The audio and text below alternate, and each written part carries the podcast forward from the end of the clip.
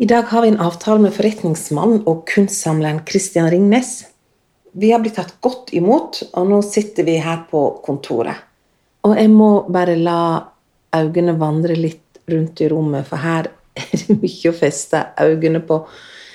Men vi er her for å snakke om Ringnes og hans forhold til dramatikeren Henrik Ibsen og diktningen hans.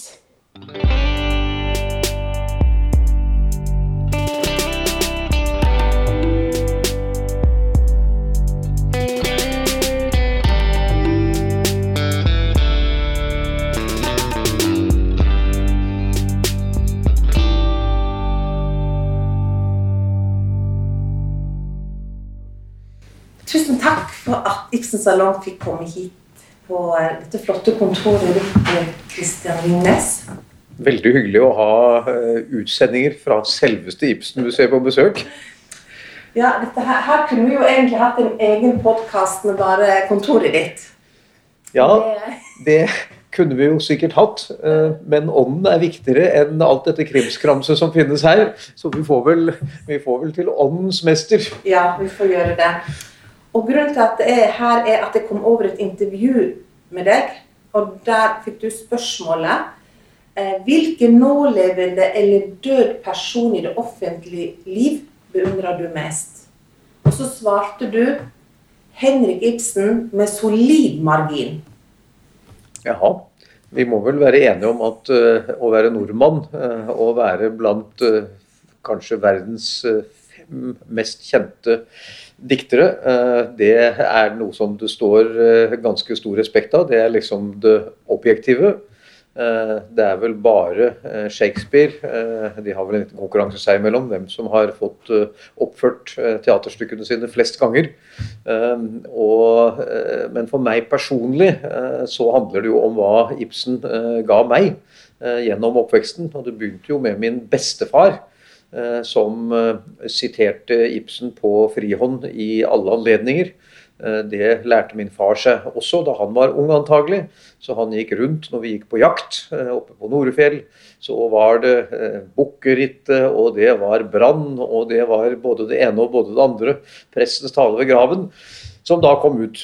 Begge, både min far og bestefar, brukte dette som en slags hukommelsesbevarer. Så de trente seg. Og det er klart, det var jo fascinerende, for begge to hadde, og spesielt min far, et ganske godt skuespillertalent. Så dette var jo sterke saker for en kar som eh, startet som eh, fire-femåring og endte eh, som 35-åring på disse turene med min far. Og jeg må si, det gjorde jo at jeg ble interessert. Og derfor så hadde jo jeg da gleden av stadig vekk, når min far fylte runde år, så var det bare jeg som fikk lov til å holde tale. Dette, han ville jo ikke ha taler, men akkurat jeg Det var litt morsomt, syns han nok, siden jeg var eneste sønn. Eh, så jeg holdt da taler, og de var alltid omdiktninger, om det var av Terje Viken, om det var av prestens tale ved graven, om det var eh, Bukkerittet, eller hva det nå kunne være, så hadde, skrev jeg da han inn i rollene.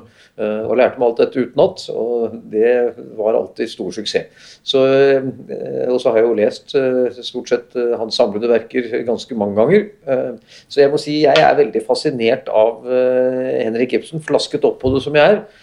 Og eh, grunnen er selvfølgelig at vi kjenner oss jo igjen. Altså, dette er jo eh, fundamentale menneskelige problemstillinger eh, som dukker opp. Og at tidskoloritt er det han spiller ingen rolle. Det er de samme spørsmålene. Han, han treffer jo virkelig nerven i mennesket. Det er jo det som er det fantastiske med Ibsen. Det er flott å høre på. kan du noe utenat? Om jeg kan noe utenat, ja. ja. Ja, det skal jeg si det jeg kan. Men det skal jeg ikke trette dere med. Oh, Men jeg har et par favorittsitater favorittsitater som jeg kanskje kunne trekke frem isteden. Eh, nemlig eh, et av de aller beste. Det er jo Om du vant den ganske jord, men selv deg tapte, da var din vinning kun krans omkring en kløvet tinning.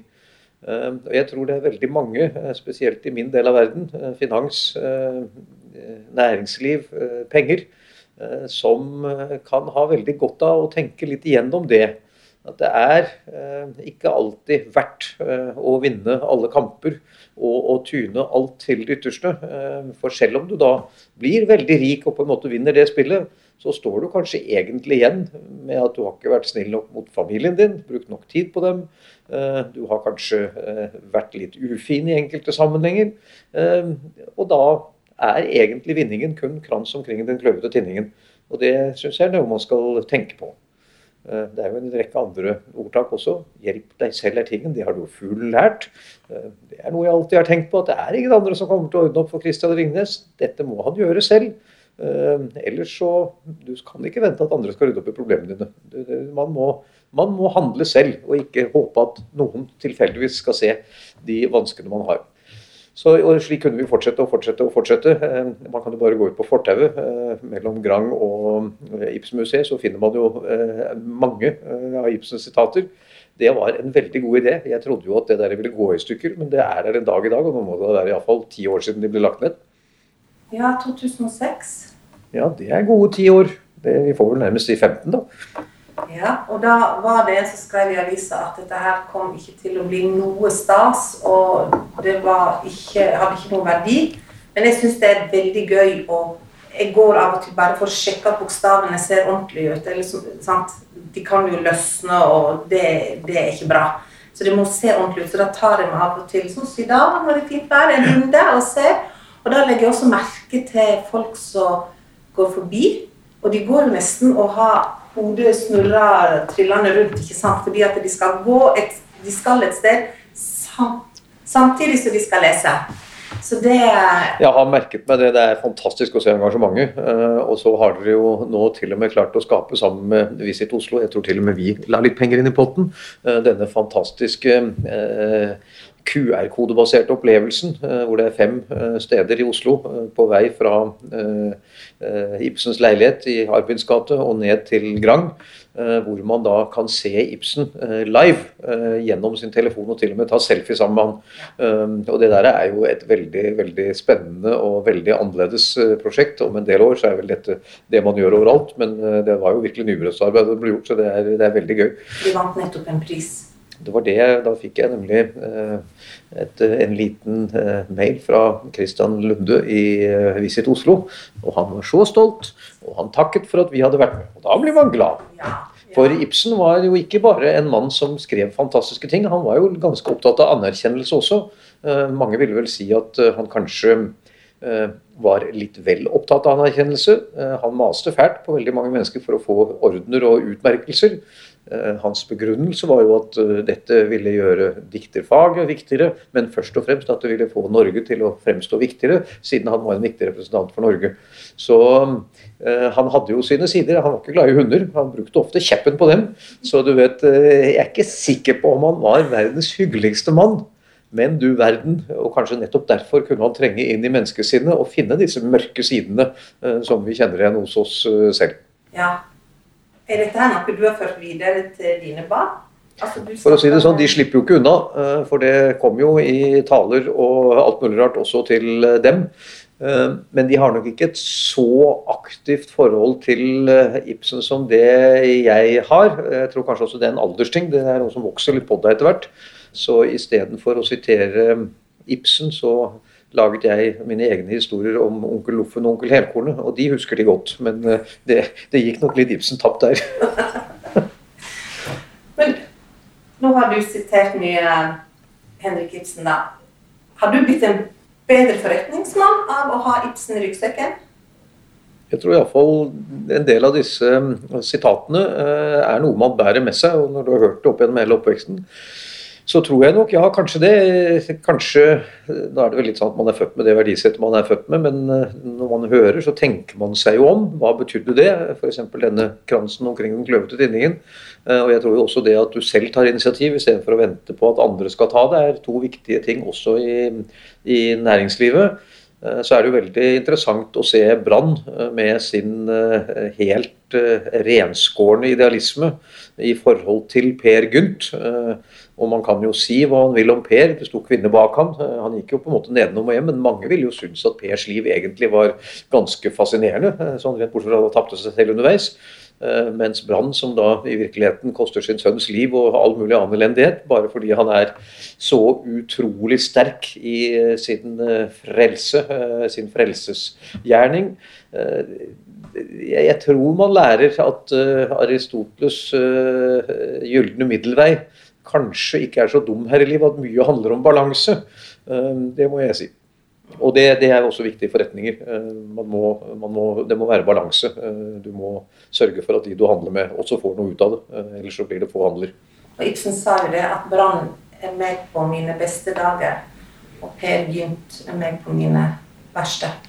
Det visste jeg ikke. Eh, og for å si det sånn, dette passer jo med eh, hans litt biske vesen eh, og hans lyst til å bli hyllet. Så jo da, jeg kan godt se den. ja. Jeg er jo her også fordi at du har jo stått bak Ibsen museets Vi heter vel egentlig Ibsen teater og museum. vi er ikke helt i boks med det navnet ennå. Men vi har vel fått et teater. Og der òg har jo jeg et Ibsen-sitat, så jeg tenker med en gang jeg tenker på det teateret i, som vi har laget, eller, ja, fått i bakgården, der utgangspunktet er gales blitt resultatet originalest. Ikke sant? Ja, nei, altså andre sånne prosjekter du så kan komme inn under der. Uh, og jeg må si at her var vel ikke uh, utgangspunktet som galest. Uh, men det var en ambisiøs plan å skulle bygge en stor teatersal for anslagsvis 150-170 mennesker, litt avhengig av hvordan man konfigurerer seg inn. Eh, i en kjeller eh, ved å grave ut en bakgård og flytte alle fundamentene i huset. Det var jo eh, noe som vi kostnadsberegnet, og det har vel endt opp med å koste ca. dobbelt så mye som det vi regnet med. Men vi har jo gjort en leieavtale. Det blir nok ikke vårt mest lønnsomme prosjekt, kan man vel trygt si. Men du verden, gleden over å se det ferdige resultatet. Når jeg nå også hører at akustikken er akkurat det man ønsker seg, eh, for det vet man aldri helt før man faktisk har det oppe og stå. Det har vi erfaringer fra en rekke eh, restauranter og kafeer som vi har bygget. Og det finnes jo også saler som tilsynelatende skal være perfekte, men det er bare ikke den klangen i dem. Og det at vi har fått til det, det syns jeg jo er kjempemorsomt. Så det med, det med dette Ibsen-museet er bare en fantastisk morsom ting. Leiligheten, et utvidet museum og teatersal hvor Ibsen kan bli levende på det han virkelig drev med, nemlig å lage skuespill. Og dette kan være til glede for skoleungdom, for tilreisende turister om sommeren. Eh, jeg har jo vært i Wien og sett på mm, dette huset til Mozart. Eh, og dette kommer til å ha veldig mange av de samme mulighetene for, for opplevelse. og Jeg må si, jeg likte Ibsen-museet godt før, men det var litt lite og stusslig. Nå begynner det endelig å bli litt størrelse på det, og det, det er gøy. Ja, Vi gleder oss i hvert fall til å fylle det med aktivitet. Altså, Nå kan vi både ha det som du sier, Ibsen som dramatiker, men òg hans eh, liv, hans private, å komme i leiligheten da, og komme på, eh, bak fasaden og høre på og se hvordan denne mannen levde. Han flytta jo inn i Albins gate i 1895, og da var jo dette en veldig ny bygård. Ja, visst. Så Ibsen var jo veldig opptatt av byutvikling og likte Kristiania veldig godt. Først bodde han jo i Victoria-terrasse, så det var en ganske ny bygård. Med varmt og kaldt vann og saltvann i kranene.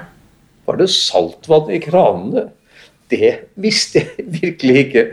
Eh, og så flytta han derifra opp til Abbins gate, for Susanna var ikke helt fornøyd med den leiligheten. Den var, Nei, den, var litt, den var, jo litt, kald og litt liten, kanskje. Jeg har vært der eh, sammen med Kåre Kodradi. Eh, og jeg må nok si at leiligheten i Arvins gate er nok atskillig bedre. Så har den jo dette veldig veldig fine hjørnet der hvor han satt og arbeidet. Hvor du kan se ut på Slottsparken og ja, føle det rojale nabolaget. Uh, og hvis han lente seg ekstra langt ut, kunne han til og med se ned til sine etterlengtede små pjoltere uh, nede på, på Grand Hotell. For jeg har da forstått det slik at uh, Susanna var nådeløs, og han fikk ikke lov til å gå ut før klokken var ett eller halv to. Uh, og han måtte tidlig opp. Uh, og han var jo glad i kvinner, Ibsen, har jeg også forstått. det er vel en litt mer skjult del av historien hans. jeg tror dette var også en av grunnene til at han gjerne ville ha litt hedersbevisning og slikt, for man vet jo at, at det kan virke på, på det svake kjønn. du vet, det å være berømt, det blir alle tiltrukket av på en eller annen måte. Det hjelper. Ja, Ibsen det, det, han har jo vært, Jeg har jo lest om han har vært i en del middager, og han, eh, han var jo ikke så veldig fornøyd når han fikk vertinnen til bords, for det var jo ofte en en litt eldre dame, da. Han ville jo helst ha de som var litt yngre. Ja. Nei, altså Ingen, ingen mann er feilfri. Selv ikke Ibsen. Oh, ja. Ja. ja og, og han, eh, han møtte jo eh, Wærenskjold en gang. Da sto han og så oppover mot uh, fasadene. Og så spurte Wærenskjold om han var interessert i arkitektur. Og da sa Ibsen at det var hans profesjon. Å du verden. Mhm. Han så på seg sjøl som en uh, arkitekt, byggmester, i stykkene sine. Han holdt jo på med byggmester Solnes akkurat når dette skjedde. da. Ja, og han- tilbake til Det var vel ikke helt tilfeldig at Hilde var Hilde, da. Eh, Nei. Var det Hilde du tenkte på der? ja. Eh, og Hilde går jo igjen i, mange, i flere av stykkene hans. da. Så det er jo eh, Ja. Det er mye å snakke om her. Det er mye å snakke om her. Så han var en Oslo-entusiast. Eller Kristiania-entusiast var han. Og du er vel en Oslo-entusiast? Ja, så det eneste som har forandret seg, er egentlig navnet på byen. Eh, Jeg tror vi begge to vet at eh, det å være i et lands hovedstad, eh, det er tross alt der det foregår. Og så tror jeg jo at eh, Oslo i dag er en større og varmere og mer åpen by. Eh, Jeg tror det var lett å føle seg som en folkefiende her i Oslo eh, fra tid til annen. For det var jo små forhold. Eh, Og det var nok ikke uten grunn at Ibsen ble så glad i å reise til utlandet, eh, og var så mye i utlandet. Eh, For der kunne han jo da ha mer luft under vingene og komme litt ut av dette knugende lille, som han nok opplevde Norge som, og Oslo også. Men det var jo enda verre hvis du kom på en liten, en liten bygdeplass, selvfølgelig. Mm. Ja, han var i frivillig eksil, sa han. Ja, og det, De virker best når de er frivillige, disse eksilene.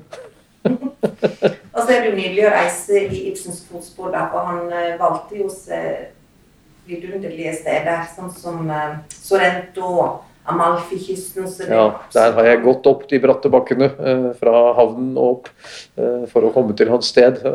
Det er jo betydelig markert der, så det var, det var veldig morsomt. Ja, de hadde nettopp markering av han i Amalfi. Mm, det hadde de.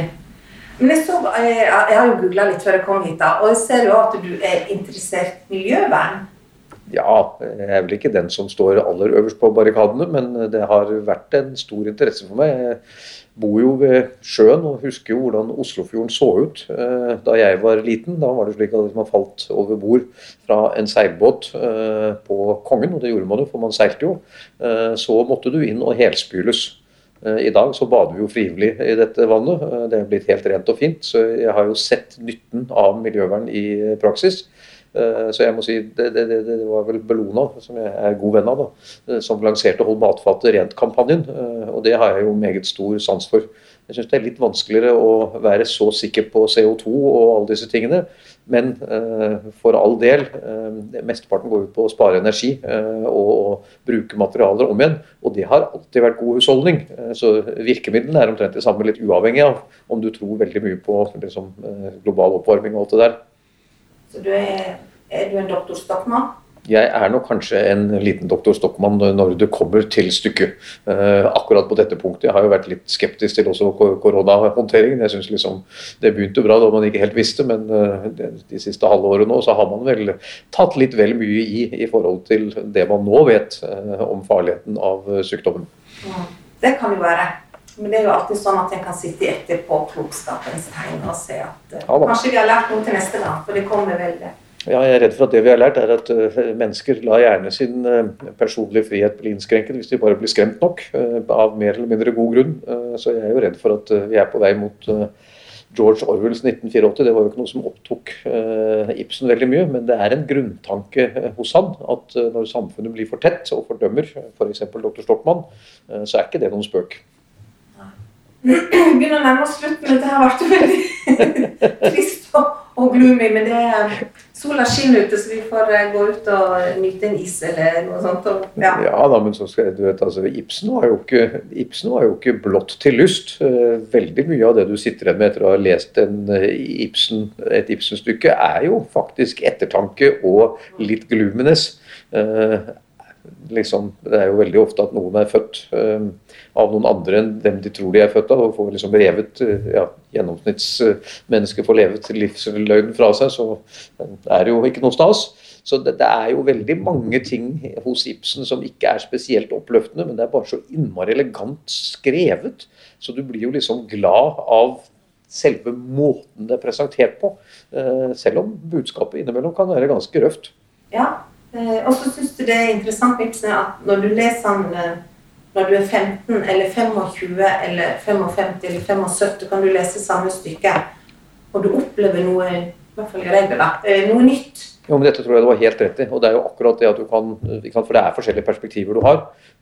Så du ser jo på og All litteratur handler jo om å kjenne seg selv igjen i veldig stor grad. og det er klart Du kjenner deg igjen som 15-åring og leser det på én måte, og som 35-åring så vil du kjenne igjen noe helt annet. 'Fruen fra havet', liksom det frie valg. Eh, det er jo helt fantastisk. ikke sant? Og det, Jeg har lest det er kanskje mitt favorittstykke, og det har jeg lest mange ganger, også med jevne mellomrom. Og, og jeg, det er helt riktig som du sier, opplevelsen i dag er en helt annen. Jeg syns jo det der med det, det var litt tullete da jeg leste det første gangen, og nå liksom identifiserer jeg meg 100 det, det er veldig interessant. det. Og det, og det du sier med frie valg, ansvar, valg, ikke sant? det går jo igjen i mange av Ibsens sine stykker. Og det er vel det som kan være en brannfakkel i noen land. ikke sant? For fortsatt i dag så er jo i noen land så er jo faktisk Ibsen farlig å spille.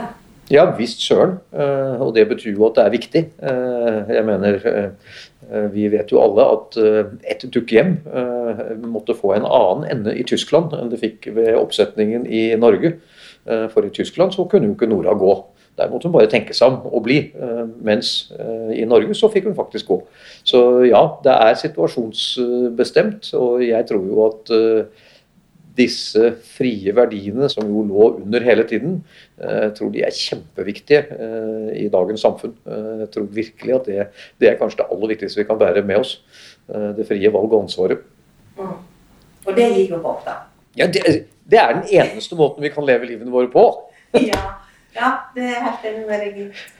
Um, Vet du ja. hva jeg har eh, til deg som du ikke får lov til å se? Um, jeg, jeg, ser jo frem til den store åpningsfesten på Ibsen museet. Og jeg har for allerede fire-fem år siden så kjøpte jeg noe som har ligget innpakket her ever since. Og du kan se på utsiden står det Ibsen. Og nå kan du bare glede deg til jeg skal overrekke det, for mer får du ikke vite nå. ok, ja, men det er bra at det er lenge til, for vi regner vel med å åpne opp i mars 22, sånn cirka. Ja, Ibsen. Mm. Skal jeg gå og lure på dette her? Ja. Det er til å gjøre òg, faktisk. Ja. ja. Men du har jo gitt Ibsen så mange fine gaver, du. Ja, vi har den første utgaven. Det er jo én fin ting. Og så har vi jo busten eh, som, av Fagerås, som jo er helt fantastisk. Veldig fin.